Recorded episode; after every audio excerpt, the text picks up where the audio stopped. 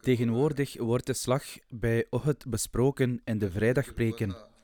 Zoals vermeld veroorzaakten de moslims tijdens de algemene strijd grote verliezen bij de ongelovigen en werden zij gedwongen zich terug te trekken. Echter, toen, ondanks de nadrukkelijke instructies van de heilige profeet, sallam, de meesten van degenen die waren aangewezen om de bergpas te beschermen,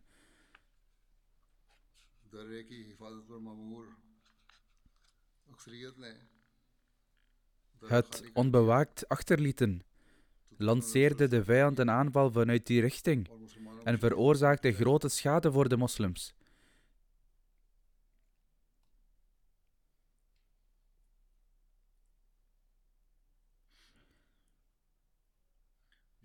De details hiervan zijn als volgt.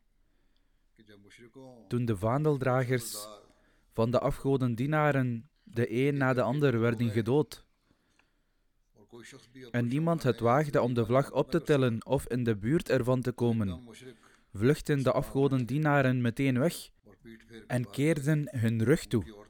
Zelfs hun vrouwen, die daarnet nog melodieus en hartstochtelijk op de trommel sloegen en zongen, gooiden hun trommels weg en vluchtten in de richting van de berg. Toen de moslims zagen dat de vijand zich terugtrok, renden ze hen achterna en begonnen hun wapens en oorlogsbuit te verzamelen. Op datzelfde moment vertrokken de moslimschutters die de heilige profeet sallam, op de berg had geplaatst en had opgedragen zich onder geen enkele omstandigheid te verplaatsen om de oorlogsbuit te verzamelen. Of zo wordt beweerd. Hazrat Abdullah bin Jubair anhu, de leider van dit bataljon, weerhield hen er streng van dit te doen, omdat zij instructies hadden van de heilige profeet sallam, om hun post onder geen enkele omstandigheid te verlaten. Zij luisterden echter niet naar hem en zeiden: De afgodendienaars zijn verslagen. Wat doen wij hier? Dit gezegd hebbende, daalden zij van de berg af en begonnen de oorlogsbuit te verzamelen. Hoewel de meesten van hen hun plaats hadden verlaten, bleven hun leider, Hazrat Abdullah bin Jubair anhu, en enkele andere metgezellen stevig op hun plaats staan. Zij waren zelfs met minder dan tien. Hun leider zei tegen degenen die van de bergpas afdaalden: Ik zal zeker niet ongehoorzaam zijn aan de instructies van de heilige profeet. Sallallahu. Over de metgezellen die de bergpas verlieten, zeggen de meeste historici en biografen dat zij haast hadden om de oorlogsbuit te verzamelen. Ze drongen erop aan dat als iedereen de oorlogsbuit verzamelt, waarom zouden wij dan achterblijven? Hoewel hun leider, Hazrat Abdullah bin Jubair radiallahu ta'ala anhu, hen tegenhield, zeggende dat dit is wat de heilige profeet sallallahu wasallam ons opdroeg te doen om jullie plaatsen onder geen enkele omstandigheid te verlaten. Daarom moeten wij hier blijven. De meesten van hen waren het echter niet eens met hun leider en daalden af van de bergpas om de oorlogsbuit te verzamelen. De meeste historici hebben dit geschreven. En hetzelfde wordt over het algemeen vermeld in boeken van hadith en commentaren, dat deze metgezellen de bergpas haastig verlieten om de oorlogsbuit te verzamelen. in het commentaar op vers 153 van Surah Al Imran dat vertaling onder jullie waren er die de huidige wereld begeerden, en onder jullie waren er die de volgende begeerden, hebben de meeste commentatoren geschreven dat de metgezellen snel wilden vertrekken om de oorlogsbuit te verzamelen.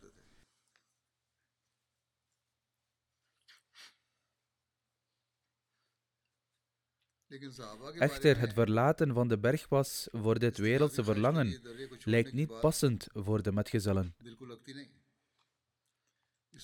Hazrat Muslih Maud radiallahu ta'ala anhu heeft hier ook een gedetailleerde notitie over geschreven, die niet gepubliceerd is.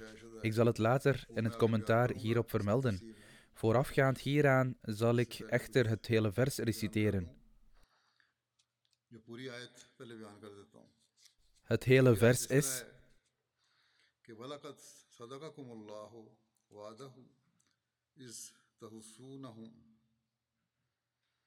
بإذنه حتى إذا فشلتم وتنازعتم في الأمر وأسيتم من بعد ما أراكم ما تحبون منكم من يريد الدنيا ومنكم من يريد الآخرة ثم صرفكم عنهم ليبتليكم ولقد عفا عنكم والله ذو فضل على المؤمنين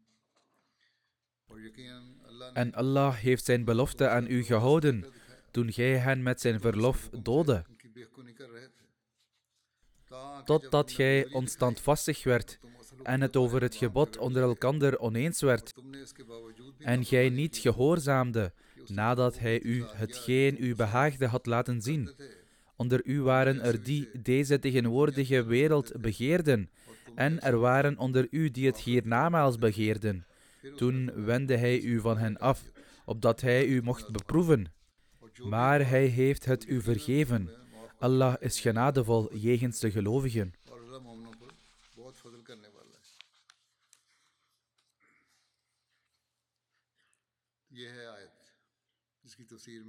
Uit het commentaar op dit vers kunnen we opmaken dat er oorlog werd gevoerd om oorlogsbuit.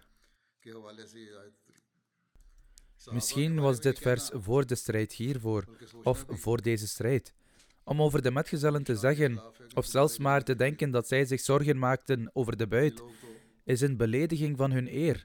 Deze mensen hadden hun eigen leven en het leven van hun vrouwen en kinderen al opgeofferd voor hun geliefde God en zijn boodschapper, sallallahu alaihi wasallam.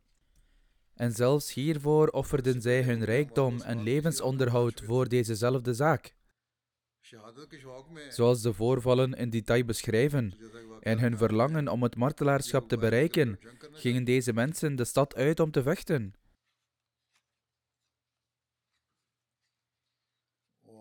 En deze gevechten werden niet gestreden om enige rijkdom of buit te bemachtigen.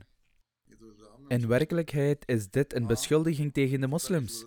Ja, in het geval van een overwinning kan het ontvangen van oorlogsbuit een bijkomstigheid zijn. Maar het doel en de intentie van de metgezellen kan nooit het verkrijgen van oorlogsbuit zijn.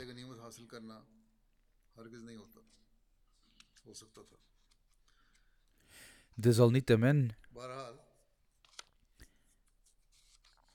tijdens het vertellen van de geschiedenis van islam en het leven van de heilige profeet of het nu historici en biografen, geleerden van hadith of Koran, commentatoren zijn, lijkt het erop dat deze gerespecteerde heiligen het verkeerd begrepen.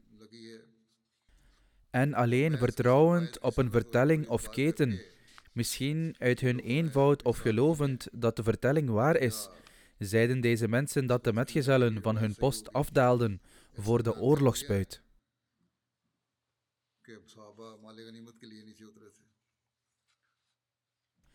Ze realiseerden zich niet hoe schadelijk deze woorden konden blijken te zijn in termen van gevolgen en effecten.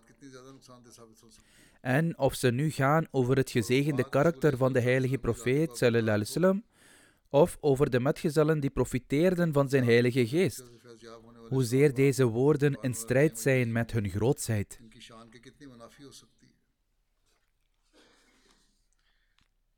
Toch kijkend naar de opoffering en de gretigheid voor het martelaarschap van de metgezellen, is het moeilijk te geloven dat de metgezellen snel de bergpas verlieten, alleen maar om de oorlogsbuit te bemachtigen.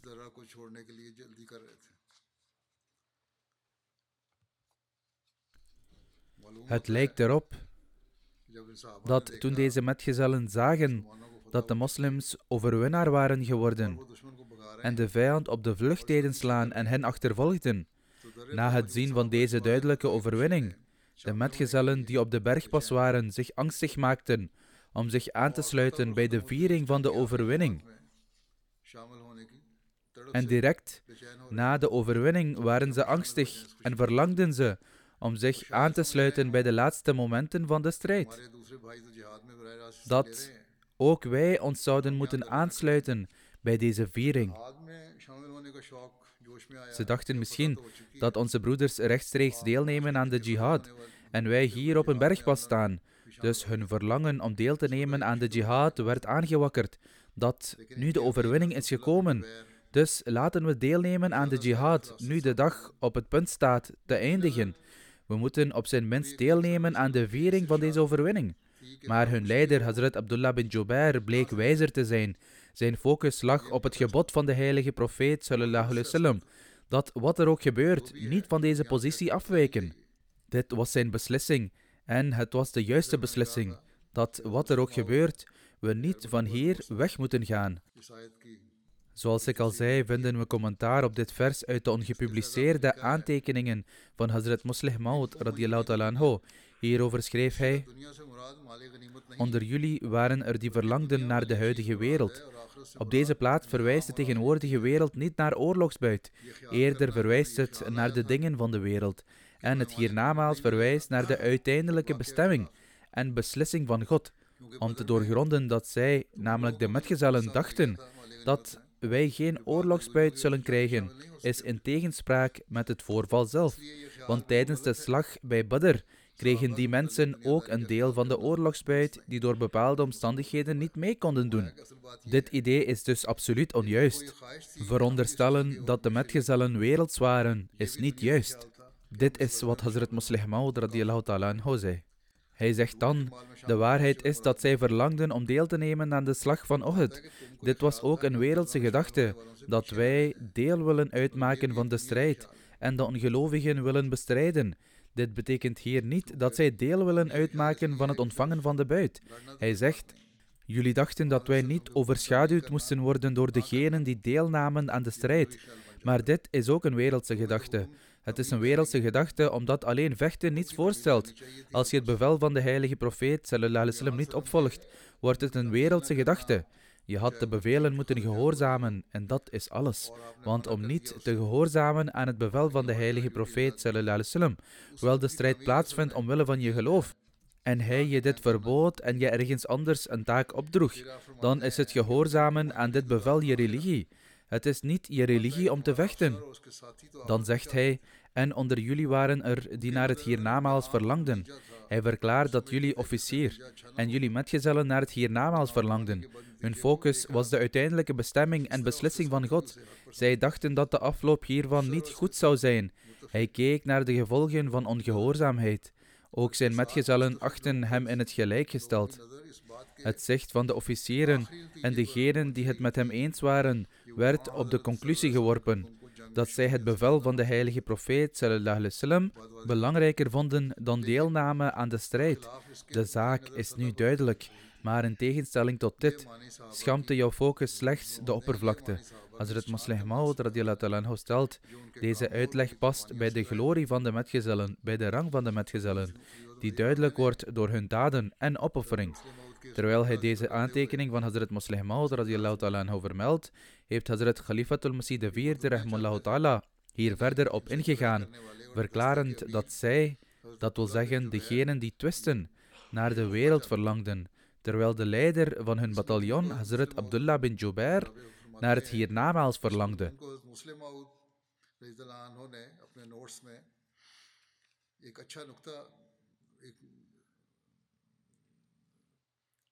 Hazrat Khalifatul Masih IV verklaart dat Hazrat Muslih Maud een zeer goed punt heeft genoemd in zijn aantekening dat mensen de wereld hier opvatten als plunderen en het verkrijgen van de oorlogsbuit.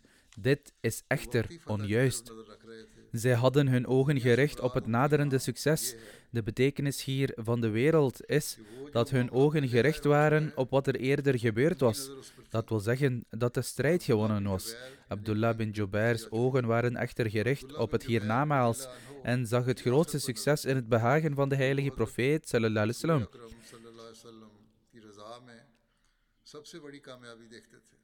Hij verlangde ernaar dat de heilige profeet wasallam en Allah Almachtig uiteindelijk tevreden zouden zijn. En hij begreep dat deze tijdelijke middelen in het zicht geen betekenis hadden.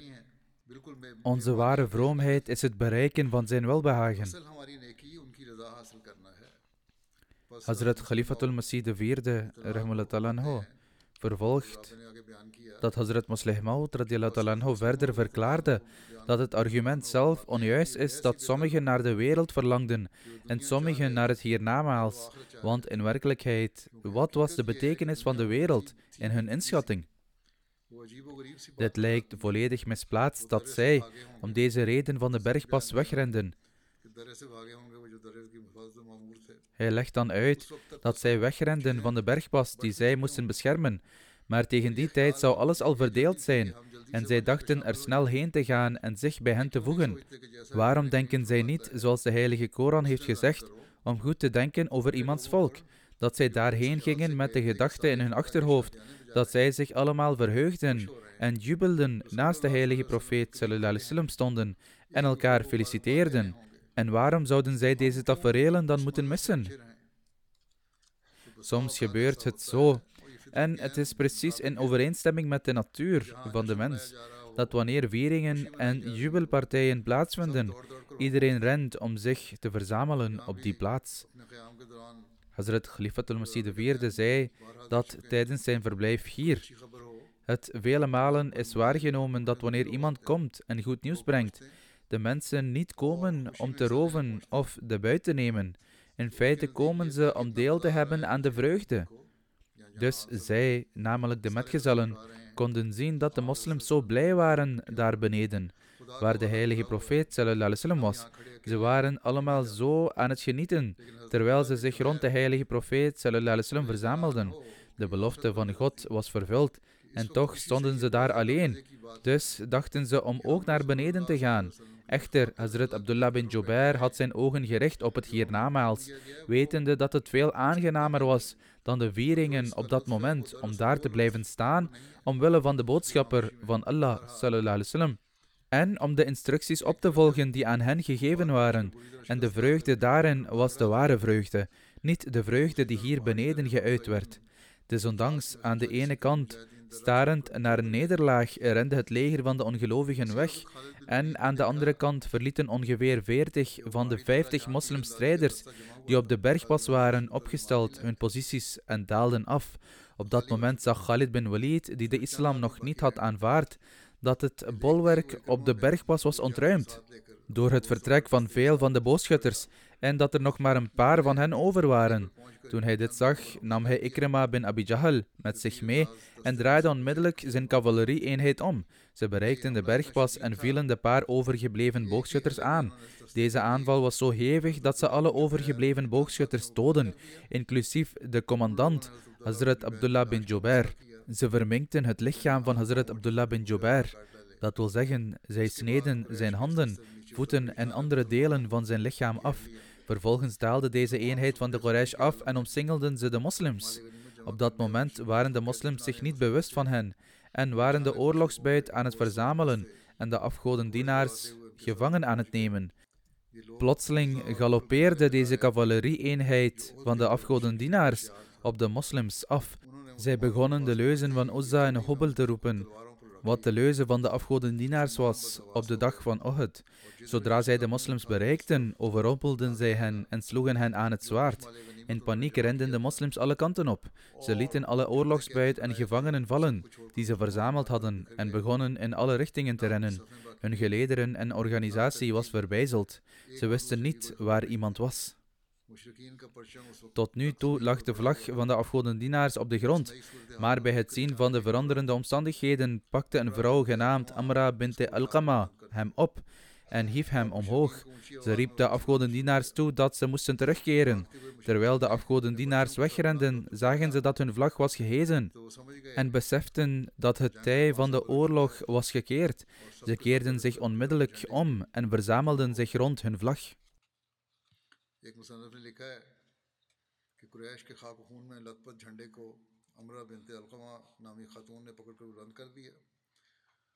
Ze begon er verwoed mee te zwaaien en verweet degenen die van het slagveld vluchten. Ze riep de ongelovigen van Mekka op om terug te keren. Op deze manier verzamelde het verslagen leger van de Quraysh zich weer op de vlakte van Uhud en omsingelden zij het moslimleger omdat de moslims niet langer bezorgd waren over enig gevaar, stonden zij niet in hun rijen. Daarom werden ze verstrooid. Op deze dag omarmde een groot aantal moslims de marteldood. De overwinning die zij hadden behaald werd nu omgezet in een beproeving in de vorm van een nederlaag. Een auteur schrijft over de scènes in die tijd. De fout van de boogschutters leidde ertoe dat de moslims uit elkaar gingen en verstrooid raakten. Ze gooiden de oorlogsbuit die ze in handen hadden weg en in een staat van verwarring begonnen ze elkaar aan te vallen. Velen van hen waren in de war over waar ze heen moesten gaan, vooral nadat ze de omroeper van de afgodendienaars hoorden aankondigen dat de heilige profeet sallam, gedood was. Dit was een tijd van grote beproeving, waarin veel moslims per ongeluk werden gedood door hun medebroeders. Sommige moslims doden per ongeluk andere moslims vanwege de ontstane verwarring. Men nam aan dat het numerieke voordeel van het vijandelijke leger, dat door de aanval van Khalid georganiseerd was, de moslims die minder talrijk waren, zou vernietigen en dat zij allen gedood zouden worden. Maar Allah de Almachtige schonk zijn genade en wat de vijand verlangde kwam niet tot uitvoering.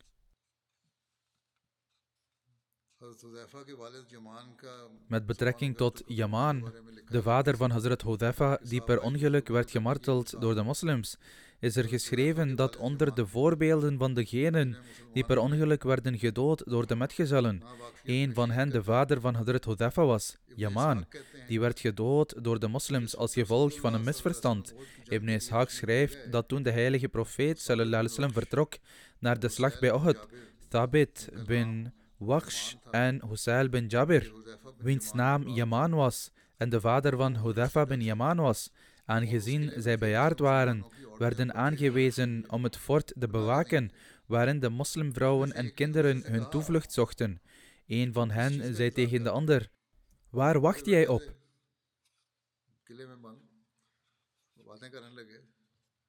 De bejaarde metgezellen bevonden zich in het fort toen ze begonnen te zeggen: Waar wachten we op? Moeten we niet onze zwaarden heffen en ons bij de boodschapper van Allah sallam, voegen? Misschien zal Allah de Almachtige ons zegenen met het martelaarschap. De moslims wisten dat deze twee oudere metgezellen geen deel uitmaakten van het leger en terug waren in Medina. Terwijl zij het slagveld hadden bereikt en zich te midden van de gevechten bevonden, Daarom waren de moslims niet in staat om hen onmiddellijk te herkennen. Ze wisten niet wie ze waren. Thabit bin Wahsh werd door de ongelovigen gemarteld, maar de vader van Hudhafa werd per ongeluk door de moslims gedood. Hudhafa zei, bij God, dit is mijn vader die gemarteld is. Toen hij ging kijken, realiseerde hij zich dat het zijn vader was. De moslims antwoordden, bij God, wij herkenden hem niet en hebben hem per vergissing gedood. Voorwaar, zij spraken de waarheid. Hudhafa zei, mogen God jullie genadig zijn, want hij is de meest genadige van hen die genade tonen. Later beval de heilige profeet sallam, om Hudhafa bloedgeld te geven voor het per ongeluk doden van zijn vader door toedoen van de moslims, maar hij weigerde het aan te nemen en vergaf de moslims. Hierdoor nam het respect en de bewondering voor Hudhafa sterk toe in de ogen van God, zijn boodschapper sallallahu sallam, en de moslims. Hazrat Hamza radiallahu werd ook gemarteld in deze strijd. Over hem is op gezag van Umar bin Ishaq verklaard dat Hamza bin Abdul Muttalib in de slag bij Uhud met twee zwaarden voor de heilige profeet sallallahu vocht. Hij riep uit, ik ben de leeuw van Allah. Terwijl hij dit zei, rende hij soms vooruit en soms achteruit. Tijdens een van deze manoeuvres gleed hij uit en Wahshi Aswad zag hem. Abu Osama zegt dat hij richtte en zijn speer wierp op een manier die hem doodde. Hierover schrijft Hazrat Mirza Bashir Ahmed Sahib. Hazrat Hamza die naast de echte oom van vaderskant van de heilige profeet sallam, ook zijn pleegbroer was, vocht dapper. Waar hij ook kwam, de gelederen van de Quraysh werden uiteengereten, maar de vijand lag ook voor hem in een hinderlaag. Jubair bin Mutim had speciaal een Abyssijnse slaaf meegenomen met de naam Wahshi en beloofde hem te bevrijden op voorwaarde dat hij een manier zou vinden en wraak zou nemen door Hamza te doden. Die Tema bin Adi, de oom van vaderskant van Jubair, had gedood ter gelegenheid van Badr.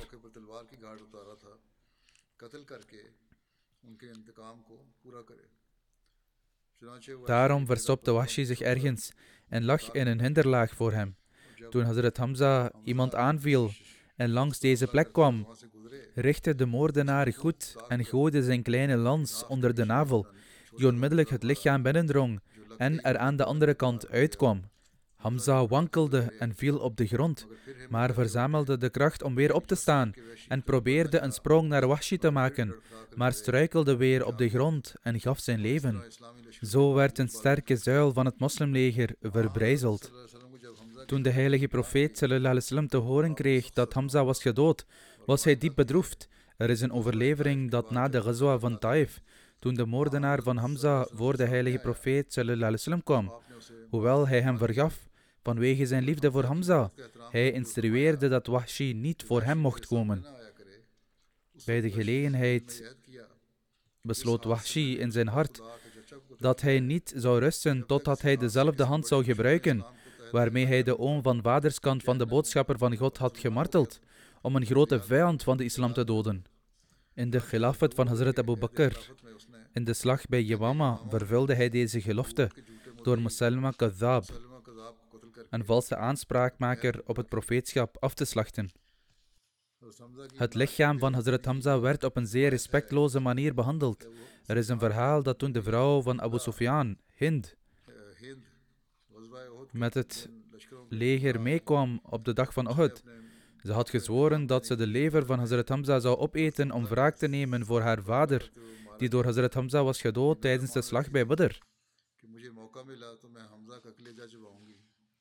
Toen de situatie zich zo voordeed en Hazrat Hamza gemarteld werd, begonnen de afgodendienaren de dode lichamen te verminken en sneden hun neus en oren enzovoort. Ze brachten ook een stuk lever van Hazrat Hamza mee en Hind begon erop te kauwen, maar ze was niet in staat om het door te slikken en gooide het eruit. Toen de heilige profeet sallam, van dit voorval hoorde, verklaarde hij: Allah de Almachtige had verboden dat het vuur ooit enig deel van het lichaam van Hamza zou aanraken.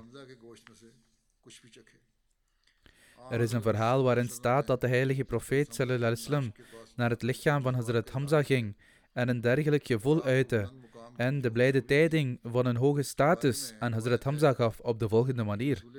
Toen de heilige profeet sallam, het lichaam van Hazrat Hamza bezocht en zag dat zijn lever was uitgesneden en gekoud. Ibn Hisham vermeldt dit in zijn biografie van de profeet dat de heilige profeet sallam, bij het lichaam van Hazrat Hamza stond en zei: O Hamza, geen beproeving zoals deze, dat wil zeggen jouw dood, zal ik ooit nog onder ogen komen. Ik heb nooit een pijnlijker tafereel gezien tot vandaag. Toen zei de heilige profeet sallam, Engel Gabriel heeft mij de tijding gegeven dat Hamza bin Abdul Muttalib is genoteerd als de leeuw van de profeet in de zeven hemelen.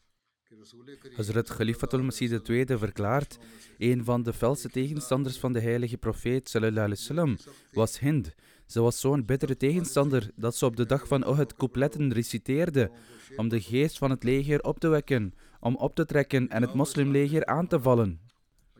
Toen de strijd een kritiekpunt bereikte voor de moslims, kondigde Hind een beloning aan voor iedereen die naar Hazrat Hamza, de oom van vaderskant van de heilige profeet zou gaan en zijn lever, oren en neus eruit zou snijden en het naar haar zou brengen. En dit is dus precies hoe het lichaam van Hazrat Hamza werd behandeld. Na de strijd, toen de heilige profeet te horen kreeg dat het lichaam van zijn oom van vaderskant op deze manier was behandeld, was hij hier natuurlijk erg door aangedaan en hij verklaarde: De vijand heeft deze vrede daad geïnitieerd en ook ik zal hen nu op dezelfde manier behandelen. Het was bij deze gelegenheid dat Allah de Almachtige de goddelijke openbaring openbaarde, dat ondanks hun daad van vreedheid zij niet op deze manier moesten handelen en in plaats daarvan hen met vergiffenis en vergeving moesten behandelen. Aldus werd een dergelijke daad verboden in de islam, namelijk het verminken van lijken. Er is ook een incident met betrekking tot de zus van Hazrat Hamza van het tonen van een echt opmerkelijk voorbeeld van geduld, tevredenheid en gehoorzaamheid. Hazrat Zubair vertelt dat aan het einde van de slag bij Uhud een vrouw heel snel van voren kwam. Ze was dicht bij het zien van de lichamen van de martelaren. En de heilige profeet sallam, wilde niet dat deze vrouw de lichamen zag, omdat ze ernstig verminkt waren. Dus beval hij om haar tegen te houden. Hazrat Zubair vertelt dat hij goed keek en zich realiseerde dat het in feite zijn moeder was, Hazrat Safia radiallahu anha.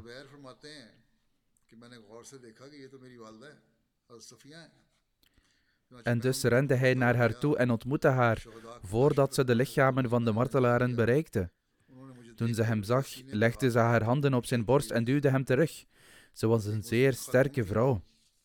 Ze zei, ga opzij, ik zal niet naar je luisteren. Hazrat Zubair informeerde haar toen dat de heilige profeet had opgedragen dat ze de lichamen van de martelaren niet mocht zien. Toen ze dit hoorde, stopte ze onmiddellijk. Ze haalde twee lappen tevoorschijn die ze had meegebracht en zei: Dit zijn twee lakens die ik heb meegebracht voor mijn broer Hamza, omdat ik het nieuws van zijn martelaarschap heb ontvangen. Begraaf hem in deze lakens. Ze luisterde eerst niet naar haar zoon en duwde hem weg. Maar toen haar verteld werd dat het een instructie van de heilige profeet was, stopte ze onmiddellijk uit gehoorzaamheid. Toen ze de instructie van de heilige profeet sallam hoorde, bleef ze bij haar zinnen en, ondanks haar immense verdriet, toonde ze gehoorzaamheid. Ze zei toen: Ik zal niet verder gaan en zal stoppen, maar breng mijn boodschap over aan de heilige profeet sallam, dat ik op de hoogte ben van het feit dat mijn broer Hamza is gemarteld en de ongelovigen zijn lichaam hebben vermengd. Ik zou hem graag willen zien en ik beloof dat ik niet zal jammeren of gillen bij het zien van hem en geduld zal tonen. Hazrat Zubair informeerde de heilige profeet sallam. En dus stond hij haar toe om hem te gaan zien. Hazrat Safia ging vooruit en ging naast het lichaam van haar broer zitten. Bij het zien van de lichamen van de martelaren, die als dappere leeuwen waren, begonnen de tranen uit haar ogen te stromen, maar ze sprak geen enkel woord. Volgens een overlevering kwam de heilige profeet sallam naast haar staan en begonnen de tranen ook uit zijn ogen te stromen. Deze dappere en uiterst geduldige zuster drukte haar liefde uit door middel van haar tranen en stond toen op en zei tegen haar zoon: Ik heb twee lakens gekocht voor mijn broer, zoals eerder vermeld. Ik had al nieuws ontvangen over zijn martelaarschap. Vandaar dat ik hierheen ben gekomen. Begraaf hem in deze lakens. De verteller verklaart verder dat toen Hazrat Hamza anhu op het punt stond om in twee lakens gewikkeld te worden, zij een Ansari metgezel naast hem zagen die ook gemarteld was. Zijn lichaam was ook vermengd, zoals bij Hazrat Hamza was gebeurd. De verteller zegt, we voelden ons beschaamd dat Hazrat Hamza begraven werd in twee lakens, terwijl er niet eens één laken was voor de Ansari metgezel. Dus besloten we om Hazrat Hamza in één van de lakens te begraven en de Ansari metgezel in de andere. We ontdekten dat een van hen groter was dan de ander. Dus trokken we loodjes en welk laken er ook getrokken werd voor één van de twee. Zij werden erin begraven. Hazrat Khalifatul Masih eerste radiallahu anhu verklaart. Toen hij zag dat het ongelovige leger bezorgd was, ging Hazrat Hamza midden in hun gelederen staan de moslims waren bijna overwinnaars toen de kameraden van Abdullah bin Jubair de bevelen van de heilige profeet sallam vergaten en de frontlinies verlieten in de hoop op het verkrijgen van buit. Toen de vijand zag dat de frontlinies verlaten werden, verzamelde hij zijn troepen en viel het moslimleger van achteren aan. Er ontstond een hevige strijd. Hazrat Amir Hamza en Abdullah bin Jubair werden gemarteld. Hazrat Ali, Hazrat Omar en Hazrat Abu Bakr Siddiq radiallahu anhum raakten ook gewond. Hind bin Utba, de vrouw van Abu Sufyan, sneed de lever van Amir Hamza open en kauwde erop, terwijl ze de oren en neuzen van de goede moslims liet verminken en er een ketting van liet maken die ze om haar nek droeg. De moslims waren woedend toen ze zagen dat de lichamen van hun martelaren op deze manier werden ontheiligd. In die mate dat de heilige profeet zo emotioneel en overstuur werd, dat hij beval dat wanneer zij overwonnen, de moslims de lichamen van de ongelovigen op dezelfde manier moesten behandelen. Vandaar dat hij bij het zien van zijn geliefde oom zei: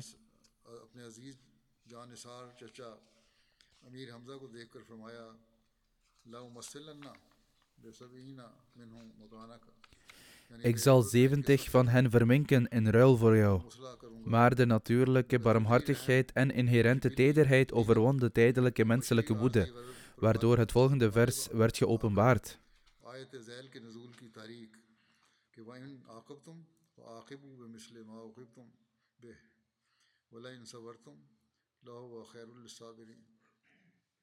Om geduld te tonen in deze staat onder deze omstandigheden. Heilig is Allah. Het is waar. Wama arsalnaka illa rahmatan lil alamin. En wij hebben u niet gezonden dan als een barmhartigheid voor alle volkeren.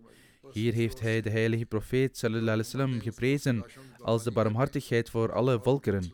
De eerste kalif verklaart, vanaf die dag werd de betreurenswaardige praktijk van het vernietigen en verminken van de doden, die in alle andere naties voortduurde, onder de moslims als volledig verboden beschouwd.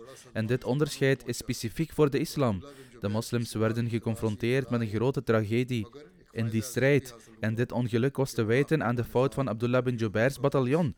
Dit resulteerde echter ook in groot voordeel, omdat de vijandschap en tegenstand van de hypocrieten en joden duidelijk werd, waardoor zij zich onderscheiden van de moslims die oprecht waren. Hazrat Muslim Maud verklaart, een van de valse tegenstanders van de heilige profeet sallam, was Hinda. In het Urdu wordt ze Hinda genoemd, terwijl haar eigenlijke naam Hind was. Ze was zo'n felle tegenstander dat ze ter gelegenheid van de slag bij Ohud gedichten voordroeg om mensen aan te sporen het moslimleger aan te vallen.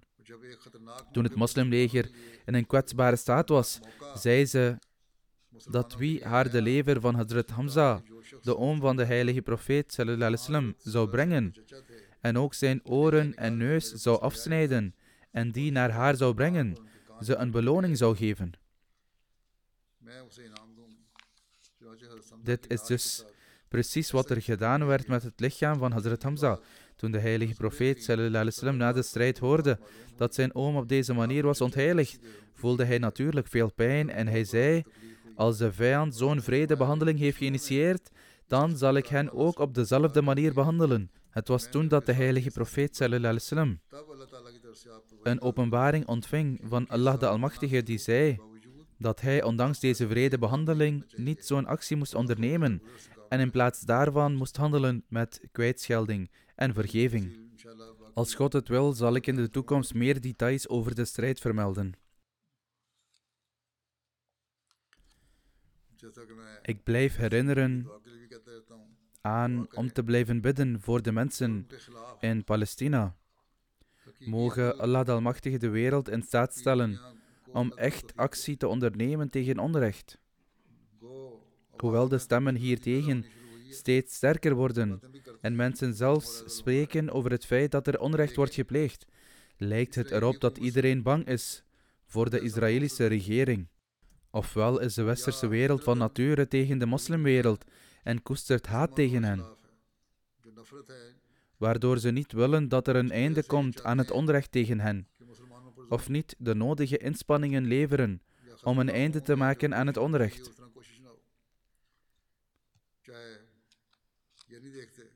Ze houden er geen rekening mee dat dit onrecht wordt gepleegd tegen onschuldige kinderen, vrouwen en ouderen. Daarom kunnen we hen niet volledig vertrouwen, maar we moeten ernaar blijven streven om hen te helpen begrijpen. En we moeten ook blijven bidden. Mogen Allah de Almachtige de moslimwereld in staat stellen haar stem te versterken, zodat zij hun stem kunnen verheffen en een einde kunnen maken aan deze onrechtvaardigheden.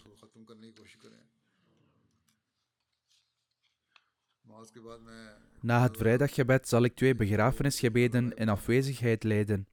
De eerste begrafenis is die van de gerespecteerde Sheikh Ahmed Hussein Abu Sardana Sahib uit Gaza. Mohammed Sharif Ode heeft geschreven dat deze Ahmadi-oudste van ons, Sheikh Ahmed Hossein Abu Sardana Sahib, de afgelopen dagen is gemarteld als gevolg van Israëlische bombardementen in Gaza. Inna lillahi wa inna ilayhi raji'un.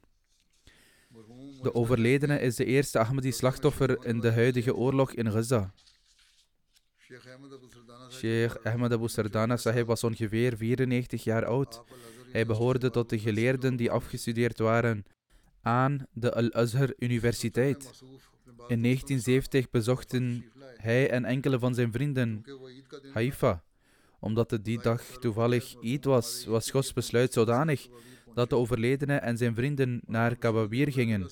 Tijdens zijn Eidpreek sprak wijlen missionaris Maulana Bashiruddin Ubaidullah Sahib over de komst van de Imam Mahdi, wat de interesse van wijlen Sheikh Abu Sardana wekte. Hij vertelde de Ahmadi die naast hem zat, Falauddin Ode, dat hij een gedetailleerd gesprek met Maulana Bashiruddin Ubaidullah Sahib wilde hebben. Tijdens dat gesprek vertelde hij Maulana Sahib. Wijlen, mijn vader adviseerde mij dat als ik tijdens mijn leven nieuws zou ontvangen over de komst van de imam Mahdi, ik zeker trouw zou moeten zweren. Vandaar dat de gerespecteerde Sheikh Ahmed Abu Sardana Sahib trouw zwoer diezelfde dag. Toen hij dit zag, beloofden enkele van zijn vrienden ook trouw. De overledene was geliefd als een gerespecteerd geleerde door iedereen in zijn omgeving. Hij had geen kinderen, hoewel er enkele oprechte Ahmadis in zijn familie zijn. Nadat hij trouw had gezworen, bezocht de overledene Kababir wanneer hij maar kon en bleef in contact met de Ahmadis van Kababir. Hij had veel liefde voor het kalifaat en hij gaf bij verschillende gelegenheden te kennen dat hij een ware Ahmadi was. Hij had een buitengewone gehechtheid aan de heilige Koran. Gewoonlijk las hij de heilige Koran in een week. De hele heilige Koran in een week. Hij heeft mij zelfs een boodschap overgebracht in de vorm van een opname, waarin hij hetzelfde heeft gezegd. De voormalige opperrechter van Palestina, Sheikh Mohammed Hussein Abu Sardana, was de broer van wijlen Ahmed Abu Sardana. Zijn vrouw was zijn tweede vrouw die ook gewond raakte bij de aanval. Mogen Allah de Almachtige haar genezing schenken.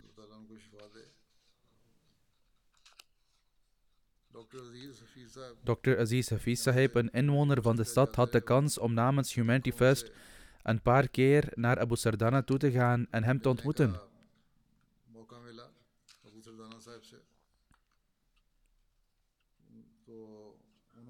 Hij zegt,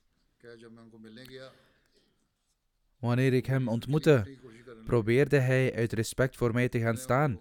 Ik vroeg hem te blijven zitten. Hij werd erg emotioneel en terwijl hij me zachtjes met zijn stok aanraakte, zei hij: Jij bent een vertegenwoordiger van de kalif van de Messias. Als u voor mij staat, hoe zou ik dan kunnen blijven zitten? Hij had enorm veel respect en eer voor het kalifaat. Hij greep toen mijn hand en zei: Het land waar jij vandaan komt, is ook het land waar de beloofde Messias verscheen. Zijn liefde voor de beloofde Messias en het kalifaat was zo diep dat zelfs ik begon te huilen toen ik hem zag. Toen stuurde hij ook een bericht naar mij via Dr. Sahib's telefoon. Hij wilde een bericht opnemen en het versturen. Ik zal hier ook een deel van dat bericht vertellen. In de boodschap die hij voor mij stuurde, zei hij: Ik getuig dat er niemand is die aanbidding waard is behalve Allah. En ik getuig dat Mohammed sallallahu alaihi wasallam zijn boodschapper is. Vrede zij met u. O vijfde kalif van de Messias. Ik voltooi een volledige lezing van de heilige Koran één keer per week, elke week. Bij elk fajr-gebed bid ik voor u. O mijn geliefde kalif.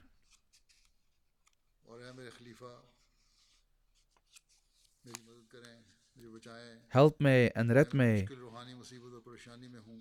Ik leef in een moeilijke geestelijke situatie, spirituele situatie. Hij zegt verder, wat heeft de wereld anders nodig dan de waarheid? Hij vervolgt, ik volg al uw instructies op. Dan zegt hij: De wereld heeft niets anders nodig dan de waarheid. Jihad voor de zaak van Allah is hier erg moeilijk, maar ik zet me ervoor in. Aan de oorlog die plaatsvond in 1948 nam ik deel, toen ik 38 jaar oud was. Ik diende als commandant in drie grensoorlogen en werd dakloos in de Sinai. Mijn vader was een bekende Sofi en mijn broer Mohammed was oprechter hier in Gaza.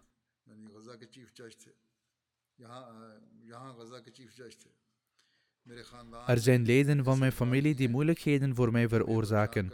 Bid voor hun leiding en reformatie. Hij zegt verder: Ik heb slechts een paar metgezellen in dit district. Hij noemt er vervolgens een paar die mij dierbaar zijn als mijn eigen zonen. Een van hen is Tariq Abu. Ik heb zelf geen kinderen. Dan, terwijl hij een gebed aanbiedt, zegt hij: Mogen Allah de Almachtige u zegenen. Ik ben u dankbaar. Accepteer mijn trouw. Want ik bevestig mijn toewijding aan jou totdat ik Allah de Almachtige ontmoet op de dag des oordeels. Met andere woorden, hij herbevestigde zijn belofte van trouw. Hij herbevestigde zijn bijt. Ik vernieuw mijn belofte van trouw en bevestig dat ik een ware Ahmadi ben, in hart en geest. Hij zegt dan: Ik heb geen andere overtuiging dan de Ahmadiyya-overtuiging. Sommige tegenstanders beweerden dat hij geen Ahmadi was en slechts de boodschap van Ahmadiyyat verspreidde. Echter, zijn opgenomen woorden zijn een testament voor hen. Misschien na dit zouden de tegenstanders tot zwijgen zijn gebracht. Mogen Allah Almachtige zijn rang verhogen en zijn vrouw beterschap schenken. Mogen Allah Almachtige zijn gebeden voor de Palestijnen accepteren. En mogen hij daar vrede stichten en de mensen daar in staat stellen om de beloofde Messias islam te accepteren. Het tweede begrafenis is van Uthman Ahmad Kakoria Sahib van Kenia. Ook hij is onlangs overleden. Inna lillahi wa inna ilayhi raji'un. Hij heeft een lange geschiedenis in dienst van de gemeenschap, verspreid over veel decennia. Hij werd geboren in 1932. In de jaren 1960 werd hij in de gemeenschap geïntroduceerd door een oude Arabische Ahmadi, wijlen Salim Afir Sahib. Later legde hij in 1964 de belofte van trouw af via de gerespecteerde Maulana Roshendin Sahib, een missionaris van de gemeenschap, en trad hij toe tot de kudde van Ahmadiyyat. Hij heeft deze belofte van trouw tot het einde toe uitstekend volgehouden. Hij was verbonden aan het ministerie van Onderwijs. Na de onafhankelijkheid van Kenia werd hij benoemd tot de eerste plaatselijke directeur van de Kwalapen Polytechnic School. Hij had ook de eer om de eerste lokale directeur te zijn van een andere Polytechnic College. Een eer waar hij vaak over sprak. Hij ging met pensioen op een hoge post in het ministerie van Onderwijs. Hij had ook de eer om veel boeken van de gemeenschap in het Swahili te vertalen. Hij had ook de eer om de eerste lokale voorzitter van de afdeling Nairobi van de gemeenschap te zijn. Hij is ook een van de eerste Mosianen in de gemeenschap in Kenia. Hij bezat vele uitstekende kwaliteiten. Tot aan zijn dood bleef hij regelmatig in het aanbieden van de tahajjud-gebeden. Hij was nooit nalatig in het betalen van aalmoezen. Hij had een immens respect in zijn hart voor de centrale missionarissen. Als een Ahmadi iets negatiefs zei over een centrale missionaris, of iets zei om een klacht in te dienen, zou hij hen onmiddellijk tegenhouden. In feite zou hij zijn ongenoegen en uiterste teleurstelling hierover uiten. Hij gaf altijd raad en zei: Deze missionarissen zijn degenen die ons het licht van het geloof hebben gebracht. Door hen kregen jullie de gelegenheid om de beloofde Messias islam te aanvaarden. Anders zouden jullie je in een staat van onwetendheid bevinden. Het is dus hun gunst voor jullie en jullie toekomstige nageslacht. Om deze reden zeg deze negatieve dingen niet. Dat was zijn moraal. Onze missionarissen en ook degenen die nieuw zijn, moeten hun normen verhogen, zodat ze een voorbeeld worden voor de lokale bevolking. Verder was de overledene ook een zeer gastvrije gastheer.